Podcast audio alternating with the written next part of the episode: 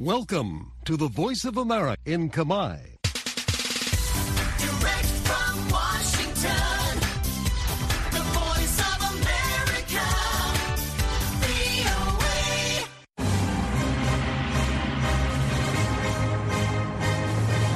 សួស្តីប្រិយមិត្តអ្នកស្ដាប់ជាទីមេត្រី នៅក្នុងកម្មវិធីផ្សាយតាមវិទ្យុរបស់ VOA នៅព្រឹកថ្ងៃពហុទី11ខែមករាឆ្នាំ2024នេះ ខ្ញុំជើងពូជីននិងសហការីនៃក្រុមផ្សាយពីខេមរៈភាសាសូមស្វាគមន៍ប្រិយមិត្តពីរដ្ឋធានី Washington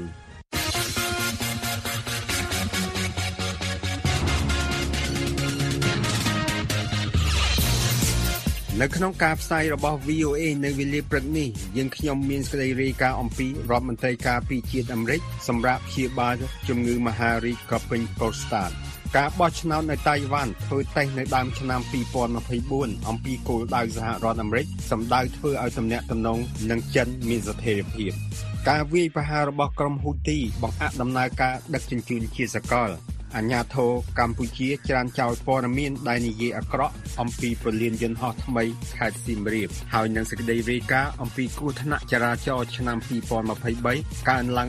11%បណ្ដាលឲ្យមនុស្សស្លាប់ជាង1500នាក់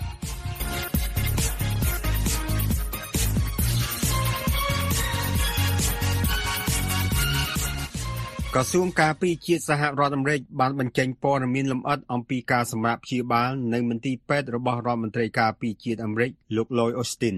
លោក Austin បានទទួលការព្យាបាលជំងឺមហារីកកពេញប្រូស្តាតកាលពីចុងខែធ្នូកន្លងទៅនេះនិងបានទៅស្វែងរកការព្យាបាលនៅមន្ទីរពេទ្យ Walter Reed កាលពីថ្ងៃទី1ខែមករាដោយសារមានបញ្ហាក្រោយការព្យាបាល អ្នកស្រី Khala Bab អ្នកឆ្លើយឆ្លងព័ត៌មានរបស់ VOA ប្រចាំក្រសួងការពារជាតិអាមេរិករាយការណ៍អំពីរឿងនេះហើយខ្ញុំជឹងពូជីនជួនសេចក្តីប្រែសម្រួលដូចតទៅ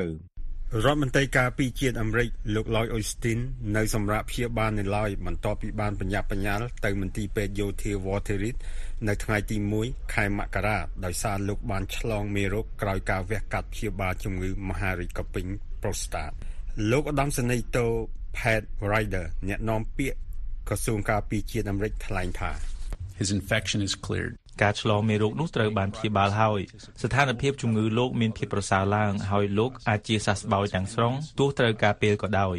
អ្នកនាំពាក្យក្រុមប្រឹក្សាសន្តិសុខជាតិសេតវិមានលោក John Kirby ថាលោក Austin បានប្រាប់លោកប្រធានាធិបតី Joe Biden អំពីជំងឺរបស់លោកកាលពីថ្ងៃអង្គារគឺជាង2សប្តាហ៍ក្រោយលោកទទួលបានការព្យាបាល Nobody at the White House knew. មិនមាននរណាម្នាក់នៅសេតវិមានដឹងថាលោក Austin មានជំងឺមហារីកក្រពេញប្រូស្តាតនោះទេមកទល់នឹងព្រឹកនេះលោក Austin បានផ្ទេរសិទ្ធិដឹកនាំទៅអនុរដ្ឋមន្ត្រីការពារជាតិអ្នកស្រី Kathleen Hicks នៅថ្ងៃទី2ខែមករាដោយមិនបញ្យល់អ្វីទាំងអស់ក្រុមលោក Austin មិនបានជូនដំណឹងដល់លោក Biden ឬអ្នកស្រី Hicks អំពីការសម្រាប់ព្យាបាល3ថ្ងៃរបស់លោក Austin នោះទេ ហើយក្រសួងការពារជាតិមិនបានប្រាប់សាធារណជនថាលោក Austin ព្យាបាលនៅមន្ទីរពេទ្យ4ថ្ងៃនោះឡើយលោក Ryder បានថ្លែងថា We recognize that we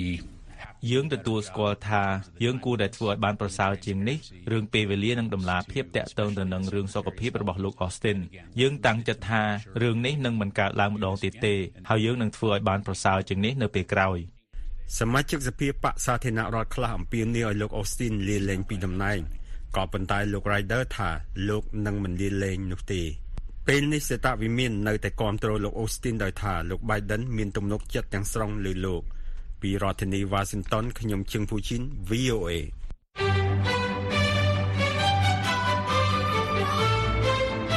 ប្រិយមិត្តជាទីមេត្រីឥឡូវនេះកម្មវិធី Hello VOA ស្ដីពីសុខភាពដែលតែងតែចាក់ផ្សាយនៅរៀងរាល់ថ្ងៃប្រហ័សសប្តាហ៍ទី3នៃខែនីមួយៗក៏មានជាវីដេអូផងដែរលោកអ្នកនាងអាចទស្សនាកម្មវិធី Hello VOA ស្ដីពីសុខភាពនេះបានដោយចូលទៅកាន់គេហទំព័ររបស់យើងខ្ញុំ ដែលមានអាសយដ្ឋាន khmer.voanews.com រួចចុចលើពាក្យកម្មវិធី Hello VOA នោះលោកអ្នកនឹងចូលទៅដល់ទំព័រមួយទៀតដែលមានកម្មវិធី Hello VOA សុខភាពហើយលោកអ្នកនាងអាចទស្សនាវីដេអូមួយណាក៏បាន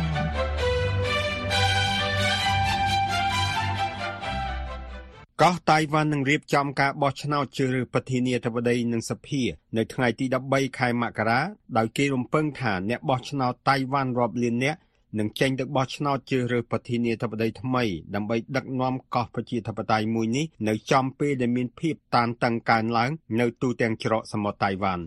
អ្នកវិភាគមួយចំនួនបាននិយាយថាលទ្ធផលនៃការបោះឆ្នោតនេះអាចនឹងមានផលប៉ះពាល់ខ្លាំងក្លាដល់ទិសដៅរបស់កោះតៃវ៉ាន់ក្នុងរយៈពេល4ឆ្នាំបន្ទាប់និងដល់កម្លាំងឃ្លាវខ្លារបស់ចិននិងតៃវ៉ាន់ហើយក៏កំណត់ទំនាក់ទំនងជាមួយនឹងសហរដ្ឋអាមេរិកផងដែរ ទីភ្នាក់ងារព័ត៌មាន Reuters វិភាគពីការបោះឆ្នោតនេះហើយលោកម៉ែនកំសែងជួនសេចក្តីប្រាយសម្រួលនៃបទវិភាគនេះពីរដ្ឋធានី Washington ដូចតទៅការបោះឆ្នោតនៅតៃវ៉ាន់នៅថ្ងៃសៅរ៍ទី13ខែមករានេះបង្កជាបញ្ហាប្រឈមសម្រាប់ទីក្រុង Washington ដោយមិនថាគណៈបកណាឈ្នះឆ្នោតក៏ដោយបើជាជំនះបានទៅគណៈបកកណ្ដាលអំណាចគឺប្រកាសជានឹងធ្វើឲ្យមានភាពតានតឹងកាន់តែធ្ងន់ធ្ងរជាមួយប្រទេសចិន ខណៈដែលជាជំនះរបស់បកប្រឆាំងអាចនឹងបង្កឲ្យមានសំណួរដ៏ឆ្កាំឆ្គងអំពីគោលនយោបាយការពារកោះនេះការប្រកួតប្រជែងប្រធានាធិបតីនិងសភានៅថ្ងៃទី13ខែមករានេះតំណាងឲ្យសញ្ញាបៀមានតម្លៃមិនអាចកំណត់បានយ៉ាងពិតប្រាកដជាលើកដំបូងក្នុងឆ្នាំ2024សម្រាប់គោលដៅរបស់រដ្ឋបាលលោក Biden ក្នុងការធ្វើឲ្យទំនាក់ទំនងមានស្ថិរភាពជាមួយប្រទេសចិនទីក្រុងប៉េកាំងអះអាងថា កោះតៃវ៉ាន់ជាទឹកដីរបស់ខ្លួន ហើយថែមទាំងបានហៅការបោះឆ្នោតនៅកោះនេះថាជាជំរើសរវាងសង្គ្រាមនិងសន្តិភាពនៅទូទាំងច្រកសមុទ្រតៃវ៉ាន់ដោយប្រមានថាការប៉ុនប៉ងណាមួយដើម្បីទាមទារឯករាជ្យជាផ្លូវការរបស់តៃវ៉ាន់មានន័យថានឹងឈានដល់ចំនួនរដ្ឋាភិបាលតៃវ៉ាន់បដិសេធការអះអាងអំពីអធិបតេយ្យភាពរបស់ចិនមន្ត្រីសហរដ្ឋអាមេរិកបានប្រយ័ត្នប្រយែង ដើម្បីជៀសវាងបង្ហាញឲ្យឃើញថាខ្លួនលូកដៃកាច់ចង្កូតឬជ្រៀតជ្រែកក្នុងដំណើរការប្រជាធិបតេយ្យរបស់កោះនេះឯកអគ្គរដ្ឋទូតសហរដ្ឋអាមេរិកប្រចាំនៅប្រទេសចិន លោក Nicholas Burns បាននិយាយកាលពីខែធ្នូថាការរំពឹងទុកនិងក្តីសង្ឃឹមដ៏មុតមមរបស់យើង គឺការបោះឆ្នោតទាំងនោះគ្មានការគំរាមកំហែងឬការបង្ខិតបង្ខំឬការជ្រៀតជ្រែកពីគ្រប់ភាគីសហរដ្ឋអាមេរិក មិនចូលរួមពាក់ព័ន្ធហើយនឹងមិនពាក់ព័ន្ធក្នុងការបោះឆ្នោតនេះទេការបដិខ្លួនបែបនេះបានបង្ហាញថាពិបាកកំណត់ក្នុងពេលអតីតកាលរដ្ឋបាលរបស់លោកអូបាម៉ាបានជ្រួញចិញ្ចើមនៅមុនការបោះឆ្នោតរបស់តៃវ៉ាន់នៅឆ្នាំ2012នៅពេលដែលមន្ត្រីជាន់ខ្ពស់អាមេរិកម្នាក់បានបញ្ចេញការសង្ស័យអំពីថាតើបេក្ខជនប្រធានាធិបតីនៅពេលនោះលោកស្រី Shai Ing-wen អាចរក្សាស្ថិរភាពទំនាក់ទំនងជាមួយចិនឬទេ លោកស្រី Shai មកពីគណៈបកប្រជាធិបតេយ្យចម្រើននិយម បានចាញ់នៅឆ្នាំនោះប៉ុន្តែបានឈ្នះតំណែងប្រធានាធិបតីនៅឆ្នាំ2016និងការបោះឆ្នោតឡើងវិញនៅឆ្នាំ2020ហើយភាពតានតឹងជាមួយប្រទេសចិនកើនឡើង ដែលបង្កើនការភ័យខ្លាចថា ទីក្រុងប៉េកាំងអាចនឹងធ្វើតាមការបដិញ្ញារបស់ខ្លួន ក្នុងការនាំយកតៃវ៉ាន់មកដាក់ក្រោមការគ្រប់គ្រងរបស់ខ្លួនដោយកម្លាំងយោធា ប្រសិនបើចាំបាច់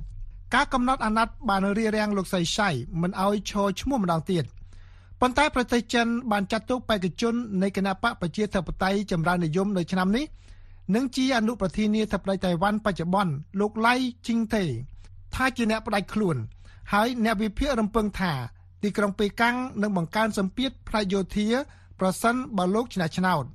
ទាំងគណៈបកប្រជាធិបតេយ្យចម្រើននិយមនិងគណៈបកប្រឆាំងដ៏ធំបំផុតរបស់តៃវ៉ាន់ គឺគណៈបកគូកមីងតាំងបាននិយាយថាមានតែពួកគេទេដែលអាចរក្សាសន្តិភាពនិងបានបដិញ្ញាពង្រឹងការការពាររបស់តៃវ៉ាន់គណៈបកទាំងពីរនិយាយថាមានតែប្រជាជន23លាននាក់របស់តៃវ៉ាន់ប៉ុណ្ណោះដែលអាចសម្រេចអនាគតរបស់ពួកគេបានទោះបីជាគណៈបកគួកមីងតាំងនិយាយថាខ្លួនប្រឆាំងយ៉ាងខ្លាំងចំពោះការប្រកាសឯករាជ្យភាពក៏ដោយទីក្រុង Washington ក៏បាននិយាយផងដែរថាខ្លួនមិនគ្រប់គ្រងឯករាជ្យភាពទេ ប៉ុន្តែមានការព្រួយបារម្ភខ្លះនៅក្នុងរដ្ឋធានីរបស់សហរដ្ឋអាមេរិកថាជ័យជំនះរបស់លោកហ៊ូយុនអេនៃគណបកគូកមិញតាំងអាចបំផ្លាញកិច្ចខិតខំប្រឹងប្រែងរបស់សហរដ្ឋអាមេរិកក្នុងការពង្រឹងសមត្ថភាពទប់ស្កាត់ជាមុនរបស់យោធាតៃវ៉ាន់ជាប្រពៃណីគណបកនេះចូលចិត្តទំនាក់ទំនងជិតស្និទ្ធជាមួយចិនទោះបីជាបដិសេធថាមិនគ្រប់គ្រងទីក្រុងប៉េកាំងក៏ដោយលោក Douglas Paul អតីត ឯកអគ្គរដ្ឋទូតសហរដ្ឋអាមេរិកក្រៅផ្លូវការប្រចាំនៅតៃវ៉ាន់បាននិយាយថាបបោមាត់របស់មន្ត្រីរដ្ឋបាលអាមេរិកនិយាយថាពួកគេអព្យាក្រឹតប៉ុន្តែភាសាកាយវិការរបស់ពួកគេដែលត្រូវបានឆ្លុះបញ្ចាំងនៅក្នុងសេចក្តីថ្លែងការណ៍គោលនយោបាយទាំងមូលអំពីប្រទេសចិននិយាយថាពួកគេគ្រប់គ្រងគណបកប្រជាធិបតេយ្យចម្រើននិយមដែលពួកគេស្គាល់ជាងគណបកគួកមិញតាំងហើយពួកគេមិនសូវប្រកាសច្បាស់ពីជំហរ លោកផលបាននិយាយថាមានភាពមិនច្បាស់លាស់នៅក្នុងកោះតៃវ៉ាន់អំពីការវិនិយោគលើវិស័យការពារជាតិហើយគណៈបកគួតមិញតាំងមើលឃើញវិធីប្រសើរជាងក្នុងការថែរក្សាសន្តិភាព ជាងការចំណាយលើផ្នែកយោធា ដែលមានន័យថាយកពន្ធកាន់តែខ្ពស់ដោយមិនមានលទ្ធភាពសមស្របនឹងសមត្ថភាពរបស់ប្រទេសចិននោះទេលោកបាននិយាយថាដោយសារមានសង្គ្រាមនៅហ្គាហ្សានិងអ៊ុយក្រែនសមត្ថភាពរបស់អាមេរិកបានស្ដួយស្ដាងហើយទិសដៅនាពេលអនាគតរបស់កូននេះ ត្រូវបានពិភាក្សានៅក្នុងស្រុកអំពីស្ថានភាពនៅដដែលត្រូវតែមើលទៅមានប្រយោជន៍សម្រាប់មនុស្សជាច្រើននៅក្នុងទីក្រុង Washington មន្ត្រីអាមេរិកមួយចំនួនទន្ទឹងថាចិននឹងបង្កើនសម្ពាធលើកោះតៃវ៉ាន់ទាំងផ្នែកយោធាសេដ្ឋកិច្ចនិងការទូតដោយមិនគិតថាអ្នកនយោបាយណាបានជាប់ឆ្នោតនោះទេនេះទំនងជារយៈពេលនៃភាពតានតឹងកាន់តែខ្លាំងឡើងដែលទាមទារឲ្យមានការទូតបណ្ដាញទំនាក់ទំនងច្បាស់លាស់ និងការបញ្ជាក់ឡើងវិញអំពីសារៈសំខាន់នៃសន្តិភាពស្ថិរភាពនិងស្ថានភាពបច្ចុប្បន្ននេះបើតាមការបញ្ជាក់របស់មន្ត្រីជាន់ខ្ពស់មួយរូបនៃរដ្ឋបាលរបស់សហរដ្ឋអាមេរិកបានប្រាប់ទីភ្នាក់ងារសារព័ត៌មាន Reuters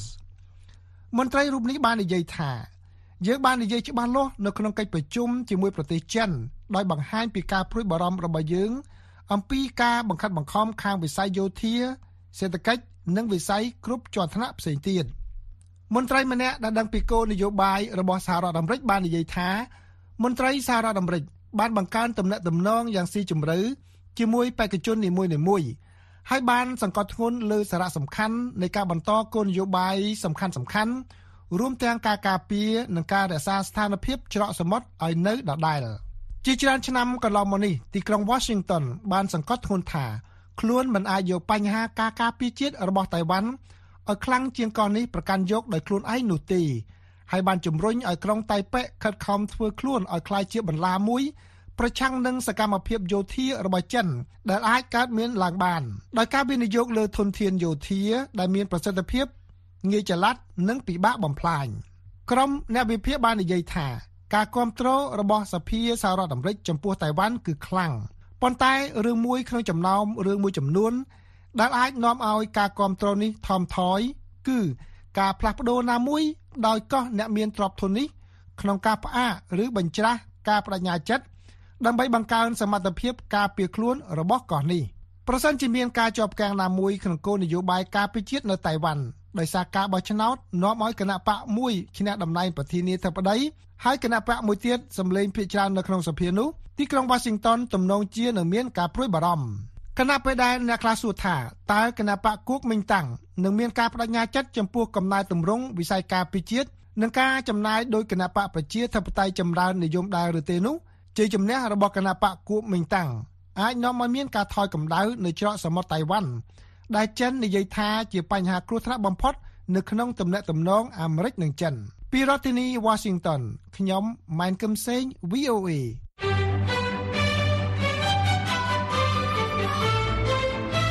ប្រិយមិត្តជាទីមេត្រីឥឡូវនេះកម្មវិធី Hello VOA ស្ដីពីសុខភាពដែលតែងតែចាក់ផ្សាយនៅរៀងរាល់រាត្រីថ្ងៃប្រហ័សសប្តាហ៍ទី3នៃខែនីមួយៗក៏មានជាវីដេអូផងដែរលោកអ្នកអាចទស្សនាកម្មវិធី Hello VOA ស្ដីពីសុខភាពនេះបានដោយចូលទៅកាន់គេហទំព័ររបស់យើងខ្ញុំដែលមានអាស័យដ្ឋាន khmer.voanews.com រួចចុចលើកម្មវិធី Hello VOA នោះលោកអ្នកនឹងចូលដល់ទំព័រមួយទៀតដែលមានកម្មវិធី Hello VOA សុខភាព ហើយលោកអ្នកអាចទស្សនាវីដេអូមួយណាក៏បាន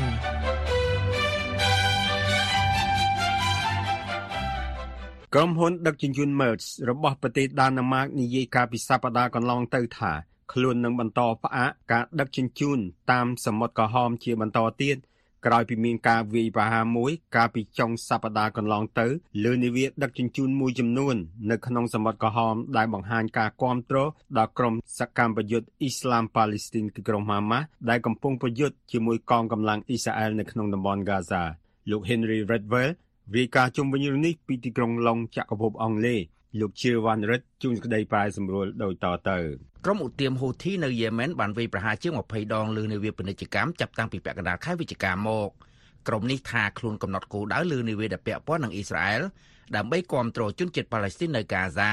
ទោះជាយ៉ាងនេះក្តីក៏មាននាវាជាច្រើនដែលរងការវាយប្រហារមិនពាក់ព័ន្ធនឹងអ៊ីស្រាអែលនោះឡើយក្រុមហ៊ុនដឹកជញ្ជូនជាច្រើនបានបង្វែរផ្លូវធ្វើដំណើរពីសមុទ្រក្រហមនិងព្រែកជីកស៊ុយអេដើម្បីបញ្ជៀសគ្រោះថ្នាក់ អ្នកស្រី Michelle Weiss បកមែននៃក្រុមហ៊ុន Loyalist Intelligence ថ្លែងថា Trade is down by about ពាណិជ្ជកម្មថយចុះប្រមាណ1ភាគ3ប៉ុន្តែភាគច្រើនជានាវាទំនិញនេះជាទំនិញដែលមានតម្លៃខ្ពស់មកពីអាស៊ីឆ្លងទៅអឺរ៉ុបនាវាជាច្រើនបានបើកវាងទៅជ្រួយខាងត្បូងនៃទ្វីបអាហ្វ្រិកវិញដែលស៊ីពេលយូរតម្លៃដឹកជញ្ជូនតាមនាវាពីអាស៊ីទៅអឺរ៉ុបកើនជាង2ដងនៅពេលថ្មីៗនេះ អាមេរិកបានបង្កើតកម្លាំងរក្សាសន្តិសុខដែនសមុទ្រអន្តរជាតិកាលពីខែមុនដែលមានឈ្មោះថា Operation Prosperity Guardian ក្នុងការទប់ទល់ការវាយប្រហាររបស់ក្រុមហ៊ូធីអ្នកស្រីបកមែននិយាយដូចនេះទៀតថា the fact that container lines are not ការដឹកទំនិញតាមកុងតឺន័រមិនបន្តនោះជាការបង្ហាញថា គេមិនសូវទុកចិត្តលើសមត្ថភាពកម្លាំងចម្រុះដឹកនាំដោយអាមេរិកក្នុងការផ្ដល់សុវត្ថិភាពដល់ចរាចរណ៍នាវាទាំងនោះ ក្រុមប្រឹក្សាសន្តិសុខអង្គការសហប្រជាជាតិបានប្រជុំការពីថ្ងៃ3ធ្នូស្ដីពីការវាយប្រហារនោះស្របពេលមានការប្រមានថាសន្តិសុខស្បៀងសកលកំពុងមានហានិភ័យលោក Khalid Khiari ឧបការីយអគ្គលេខាធិការអង្គការសហប្រជាជាតិថ្លែងដូចនេះថា and could potentially វាអាចប៉ះពាល់ដល់មនុស្សរាប់លាននាក់នៅយេម៉ែនក្នុងតំបន់និងសកលអាចអគ្គរដ្ឋទូតអាមេរិកលោក Chris Lu ថាអ៊ីរ៉ង់ជាអ្នកគ្រប់គ្រងហ៊ូធីលោកនិយាយថា it has transferred advanced អ៊ីរ៉ង់បានផ្ទេរប្រព័ន្ធអាវុធទំនើបដល់ក្រុមឧទាមហ៊ូទីដែលរួមមានដ្រូនមីស៊ីគ្រូវាយប្រហារពីដីនិងមីស៊ីបាល់លីស្ទិកដែលត្រូវបានប្រើប្រាស់ក្នុងការវាយប្រហារលើនាវាសមុទ្រអ៊ីរ៉ង់បដិសេធថាមិនបានគ្រប់គ្រងការវាយប្រហាររបស់ក្រុមហ៊ូធីក្នុងសមុទ្រក្រហមឡើយជាមួយគ្នានេះអ្នកវិភាគប្រមានថាក្រុមសកម្មប្រយុទ្ធនេះអាចបង្កើនការវាយប្រហារអ្នកស្រីបកមែននិយាយទៀតថា the Houthis know exactly what ក្រុមហ៊ូធីដឹងច្បាស់ពីអ្វីដែលខ្លួនកំពុងធ្វើដោយយកនាវាពាណិជ្ជធ្វើគោលដៅវាយប្រហារព្រោះពួកគេចង់បង្កើនចំណាប់អារម្មណ៍និងក្តីបារម្ភក្នុងចំណោមមេដឹកនាំពិភពលោកថាគេចង់សម្រេចគោលបំណងនិងមហិច្ឆតា បង្ហាញការប្រឆាំងសង្គ្រាមក្នុងតំបន់ហ្គាហ្សា ដោយការដឹកជញ្ជូនមានការបង្អាក់នោះមានការប្រមានថាការពន្យាពេលនៃសង្វាក់ពុតគងអាចមានរយៈពេលច្រើនសប្តាហ៍ឬច្រើនខែទៅមុខទៀតពីរដ្ឋធានី Washington ខ្ញុំជ្រាវណ្ណរិទ្ធ VOA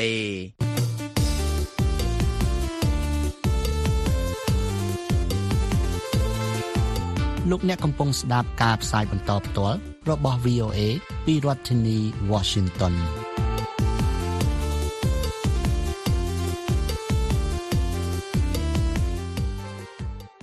អាញាធរកម្ពុជាបដិសេធថាព័ត៌មានអវិជ្ជមានអំពីពលានយន្តហោះថ្មីខេត្តសៀមរាបមិនឆ្លុះបញ្ចាំងអំពីស្ថានភាពបច្ចុប្បន្នឡើយក្រោយមានព័ត៌មានផ្សព្វផ្សាយអំពីភាពមិនប្រក្រតីនៅពលានយន្តហោះថ្មីនោះក្នុងនោះមានអំពើពុករលួយសេវាកម្មមិនល្អនិងបន្ទប់ទឹកមិនស្អាតជាដើម លោកហាណូយរាយការណ៍ VOA ពីរាជធានីភ្នំពេញដូចតទៅក្រោយមានព័ត៌មានផ្សព្វផ្សាយថាមន្ត្រីអន្តរប្រវេសន៍បានយកលុយពីអ្នកទេសចរអន្តរជាតិនៅប្រលានយន្តហោះថ្មីខេត្តសៀមរាបអគ្គនាយកដ្ឋានអន្តរប្រវេសន៍កាលពីថ្ងៃអង្គារបានចេញសេចក្តីបំភ្លឺមួយដោយអះអាងថាការផ្សព្វផ្សាយនោះមិនមានប្រភពច្បាស់លាស់និងថាការបរិច្ឆេទអ្នកបញ្ចេញមតិនោះ គឺនៅមុនការដាក់ឲ្យដំណើរការនៃប្រលានយន្តហោះថ្មីនេះកាលពីថ្ងៃទី9ខែមករាឆ្នាំ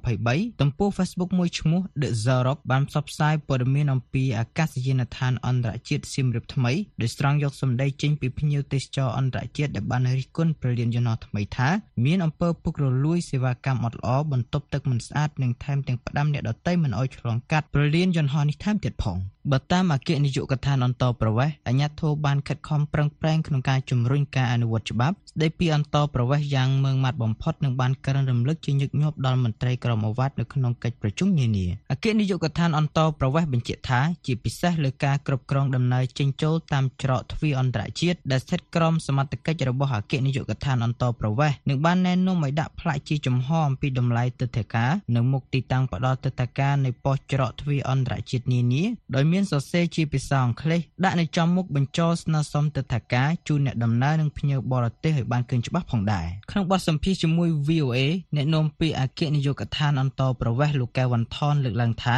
អគ្គនាយកដ្ឋានអន្តរប្រវេសន៍នឹងពិនិត្យទៅលើមន្ត្រីរបស់ខ្លួននិងថាបើរកឃើញភាពមិនប្រក្រតីណាមួយកើតឡើងនោះនឹងមានការចាត់វិធានការលើពួកគេអគ្គនាយកដ្ឋានប្រវេសន៍នឹងចុះពិនិត្យជាក់ស្ដែងបើសិនជាពាក់ព័ន្ធមន្ត្រីណាអគ្គនាយកដ្ឋានថាអ្វីនៅមាន ចាត់វិធានការដាក់វិន័យទៅតាមបទបញ្ជា006បាទអាគឺវិន័យរបស់កងកម្លាំងនគរបាលជាតិបើតាមអ្នកនាំពាក្យរូបនេះការពិន័យនេះអាចឈានរហូតដល់ទម្លាក់ឋានៈឬក៏បណ្តេញចេញពីក្របខ័ណ្ឌរដ្ឋទៅតាមទោសជាក់ស្ដែងអ្នកនាំពាក្យអាកាសចរស៊ីវិលលោកស៊ិនច័ន្ទសេរីវឌ្ឍថាច្រានចុះនៅព័ត៌មានដែលបានចុះផ្សាយទាំងនោះនឹងថាមិនចុះបញ្ចាំងនៅតថភាពបច្ចុប្បន្នឡើយអានេះអូវាពាក់ព័ន្ធនៅពេលដែលយើងបើកទៅវិញវានៅក្នុងការសាងសង់អញ្ចឹងវាកុងត្រាក់ទ័រយ៉ាងនេះព្រោះឥឡូវប្រកបមកដែរមានបញ្ហាមិនស្អាតមិនអីទេតែយើងចាស់ទាំងអស់បាទវាអត់ឆ្លងចង់អ្វីតថភាពអ្វីដូចជាការពិត បច្ចុប្បន្នអាកាសយានដ្ឋានថ្មីក្នុងខេត្តសៀមរាបក្រុមគម្រោងក្រវ៉ាត់ផ្លូវពាណិជ្ជកម្មរបស់ចិនឬ BOI ត្រូវបានដាក់សម្ពោធឲ្យប្រើប្រាស់ជាផ្លូវការកាលពីខែវិច្ឆិកាឆ្នាំ2023ប្រលានយន្តហោះនេះត្រូវបានវិនិយោគក្នុងទម្រង់សាងសង់ប្រតិបត្តិការផ្ទេរឬ BOT ដោយក្រុមហ៊ុនចិនដែលមានន័យថាប្រលានយន្តហោះនេះនឹងត្រូវផ្ទេរមករដ្ឋាភិបាលកម្ពុជាគ្រប់គ្រងវិញនៅក្នុងឆ្នាំ2073ក្រោយការសាងសង់រយៈពេលប្រមាណ5ឆ្នាំនិងប្រតិបត្តិការរយៈពេល50ឆ្នាំរីកាពីរាជធានីភ្នំពេញខ្ញុំហាណូយ VOA ពីរដ្ឋធានី Washington សំលេងសហរដ្ឋអាមេរិក VOA តួលេខបឋមនៃករណីគ្រោះថ្នាក់ចរាចរណ៍ក្នុងឆ្នាំ2023មានជាង3000ករណីដែលកើនឡើង11%បើធៀបនឹងឆ្នាំ2022 អ្នកតាមដានជំរុញឲ្យអនុវត្តច្បាប់ចរាចរណ៍ឲ្យបានតឹងរឹងនិងត្រួតពិនិត្យគ្រឿងសង្វឹងជាប្រចាំកញ្ញាចិត្តស្រីយារាយការណ៍លម្អិតឲ្យ VOA ពីរាជធានីភ្នំពេញដើករណីគ្រោះថ្នាក់ចរាចរណ៍ក្នុងឆ្នាំ2023នេះបានកើនឡើង11%បើធៀបនឹងឆ្នាំ2022ដែលវានៅតែបង្កក្តីព្រួយបារម្ភនៅក្នុងសង្គមនិងធ្វើឲ្យកម្ពុជាខាតបង់សេដ្ឋកិច្ចជាង400លានដុល្លារអាមេរិកក្នុងមួយឆ្នាំ បើតាមមន្ត្រីកម្ពុជាក្នុងឆ្នាំ2023មានករណីគ្រោះថ្នាក់ចរាចរណ៍នៅទូទាំងប្រទេសជាង3000ករណីដែលកើនឡើង11%បើធៀបនឹងឆ្នាំមុនដែលមានប្រមាណ2970ករណីនេះបើតាមលោកព្រំបន្ថាប្រធាននាយកដ្ឋានសវត្ថិភាពចរាចរណ៍ផ្លូវគោកនៃអគ្គនាយកដ្ឋានដឹកជញ្ជូនផ្លូវគោកនៃក្រសួងសាធារណការនិងដឹកជញ្ជូន លោកប្រាប់ VOA ថាក្នុងឆ្នាំ2023ចំនួនអ្នកស្លាប់ដោយសារគ្រោះថ្នាក់ចរាចរណ៍មានជាង1500នាក់ដែលថយចុះ7%ចំណែកអ្នករងរបួសធ្ងន់មានជាង2700នាក់ដែលកើនឡើង7%អ្នករងរបួសស្រាលមានជាង1700នាក់ដែលកើនឡើង21%លោកព្រំវណ្ណថាប្រាប់ VOA ថាក្នុងឆ្នាំ2023ជាមធ្យមក្នុងមួយថ្ងៃមនុស្សយ៉ាងតិច5នាក់ស្លាប់និងជាង10នាក់រងរបួសធ្ងន់នៅក្នុងគ្រោះថ្នាក់ចរាចរណ៍នៅទូទាំងប្រទេស លោកព្រំវណ្ណថាបញ្ជាក់ថាមូលហេតុដែលបណ្ដាលឲ្យគ្រោះថ្នាក់ចរាចរណ៍នៅតែបន្តកើតមានដោយសារតែប្រជាពលរដ្ឋបើកបរក្នុងល្បឿនលឿនបើកបរមិនគោរពសិទ្ធិបើកបរដោយបត់ជែងមិនប្រុងប្រយ័ត្ននិងជិះបញ្ច្រាស់ទិសផ្លូវជាដើមលោកបន្ថែមថាក្រៅពីកត្តាមនុស្សក៏មានកត្តាយានយន្តនិងកត្តាផ្លូវរួមផ្សំគ្នាផងដែរ ហើយនៅក្នុងនោះតើតើជាមួយមនុស្សឃើញថាល្បឿនគឺនៅឆោលដាក់ទី1នៃគ្រោះថ្នាក់ហើយទី2តើតើជាមួយនឹងការមិនគោរពសិទ្ធិទី3តើតើជាមួយនឹងការបក់ទី4តើតើជាមួយនឹងការមិនប្រចាំស្ដាំដែលយើងសង្កេតឃើញភាគច្រើនអ្នកបើកបររយៈបបគាត់គឺមិនប្រកាន់ស្ដាំពិចារណាបើកមកជីវិតច្រាស់ហើយតើតើជាមួយនឹងការចែងចែងនេះខាងពីគ្រោះថ្នាក់ផងដែរ លោកគង់រតនៈអ្នកជំនាញនឹងពិគ្រោះយោបល់លើបញ្ហាចរាចរណ៍ផ្លូវគោកប្រាប់ VOA ថាគ្រោះថ្នាក់ចរាចរណ៍នៅតែជាបញ្ហានិងក្តីបារម្ភដោយសារតួលេខនៃអ្នករងរបួសនិងអ្នកស្លាប់នៅតែមានចំនួនច្រើនបើទោះបីជាអត្រាស្លាប់ឆ្នាំ2023ថយចុះបន្តិចបន្តួចបើធៀបនឹងឆ្នាំ2022 បើតាមលោកគង់រតនៈបើសិនជាកម្ពុជាអាចកាត់បន្ថយគ្រោះថ្នាក់ចរាចរណ៍បានក្នុងកម្រិតអតិបរមានោះវានឹងធ្វើឲ្យរដ្ឋចំណេញសេដ្ឋកិច្ចដែលបានខាត់បងជាង400លានដុល្លារក្នុងមួយឆ្នាំដោយសារតែគ្រោះថ្នាក់ចរាចរណ៍នេះថ្មីថ្មីនេះមានការសិក្សារបស់ UNDP ជាមួយនឹងគណៈកម្មការជាតិសុវត្ថិភាពចរាចរណ៍ផ្លូវគោកនោះគាត់បានរកឃើញថាប្រទេសកម្ពុជាយើងខាតបង់សេដ្ឋកិច្ចរហូតដល់ជាង400លានណា466លានដុល្លារក្នុងមួយឆ្នាំអានេះគិតត្រឹមឆ្នាំតែ2021ផងដោយសារគ្រោះថ្នាក់ចរាចរណ៍ អ្នកជំនាញរូបនេះក៏សម្គាល់ស្រដៀងគ្នាដែរថាគ្រោះថ្នាក់ចរាចរណ៍នេះកើតឡើងដោយសារកត្តាមនុស្សច្រើនជាងគេគឺរហូតដល់96ទៅ97%ដោយក្នុងនោះពាក់ព័ន្ធនឹងអេរយាប័តរបស់ប្រជាពលរដ្ឋដូចជាការបើកបរលើសល្បឿនកំណត់បើកបរក្រោមឥទ្ធិពលគ្រឿងស្រវឹងនិងការប្រើប្រាស់ថ្នាំឬការបើកបរដោយអាការៈអស់កម្លាំងការបត់ចែងយានយន្តធ្វេសប្រហែសជាដើម លោកបន្ថែមថាការផ្សព្វផ្សាយគ្រឿងស្រវឹងយ៉ាងទូលំទូលាយនាពេលបច្ចុប្បន្ននេះក៏ជាឫសគល់ចម្បងដែលធ្វើឲ្យមានគ្រោះថ្នាក់ចរាចរណ៍នេះផងដែរ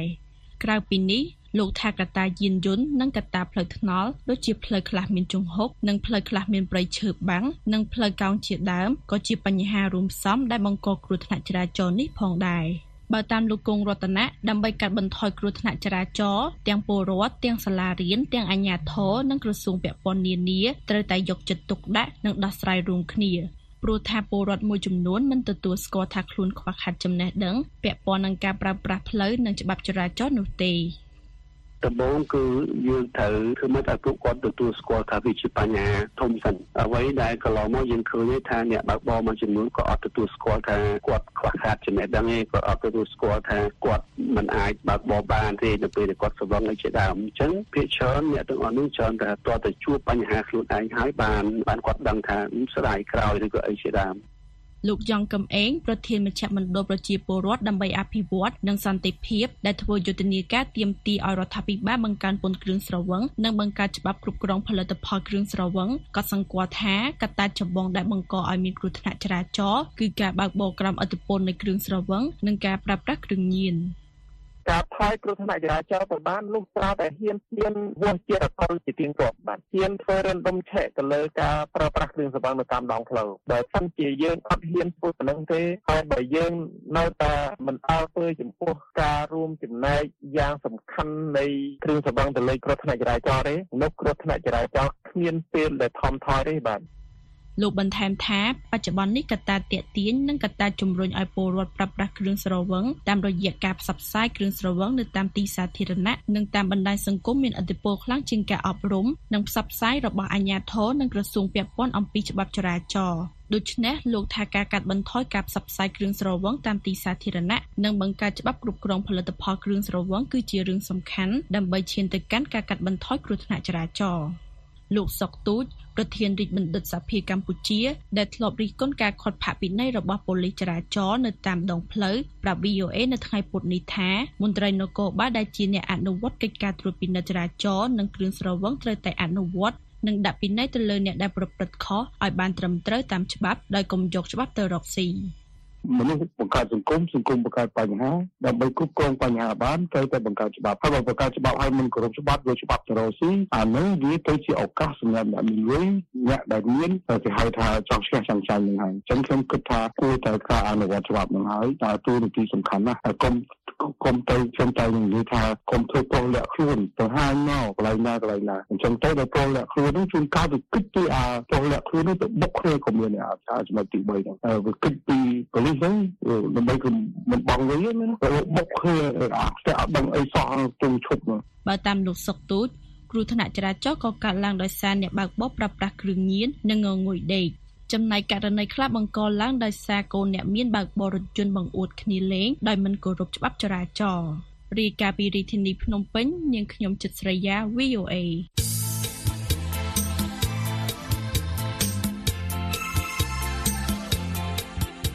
អស់លោកអ្នកស្ដាប់ជាទីមេត្រី នៅក្នុងការផ្សាយរបស់ VOA នៅរាត្រីនេះសូមអស់លោកអ្នករងចាំស្ដាប់សេចក្តីរាយការណ៍ព័ត៌មានថ្មីៗ ពីប្រទេសកម្ពុជា ពីតំបន់អាស៊ីនិងពីជុំវិញពិភពលោកហើយនឹងកម្មវិធី Hello VOA នៅរាត្រីនេះយើងខ្ញុំអញ្ជើញលោកអំសំអាតនាយកទទួលបន្ទុកកិច្ចការទូតនៃអង្គការការពារសិទ្ធិមនុស្ស Liga do ជាវេក្មិនលោកនឹងពិភាក្សាប្រធានបទពីស្ថានភាពកម្ចីមីក្រូហិរញ្ញវត្ថុនៅកម្ពុជា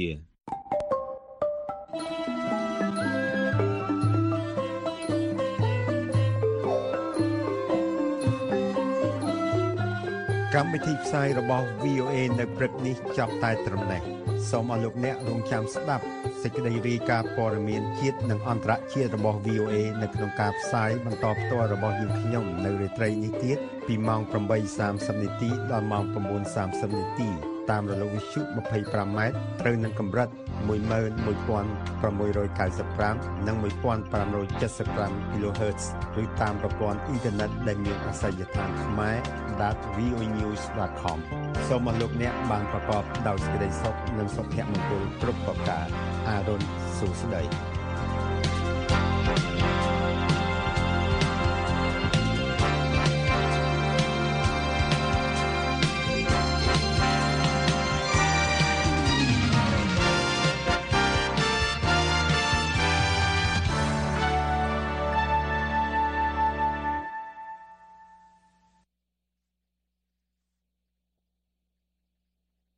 This program has come to you from the Voice of America, Washington.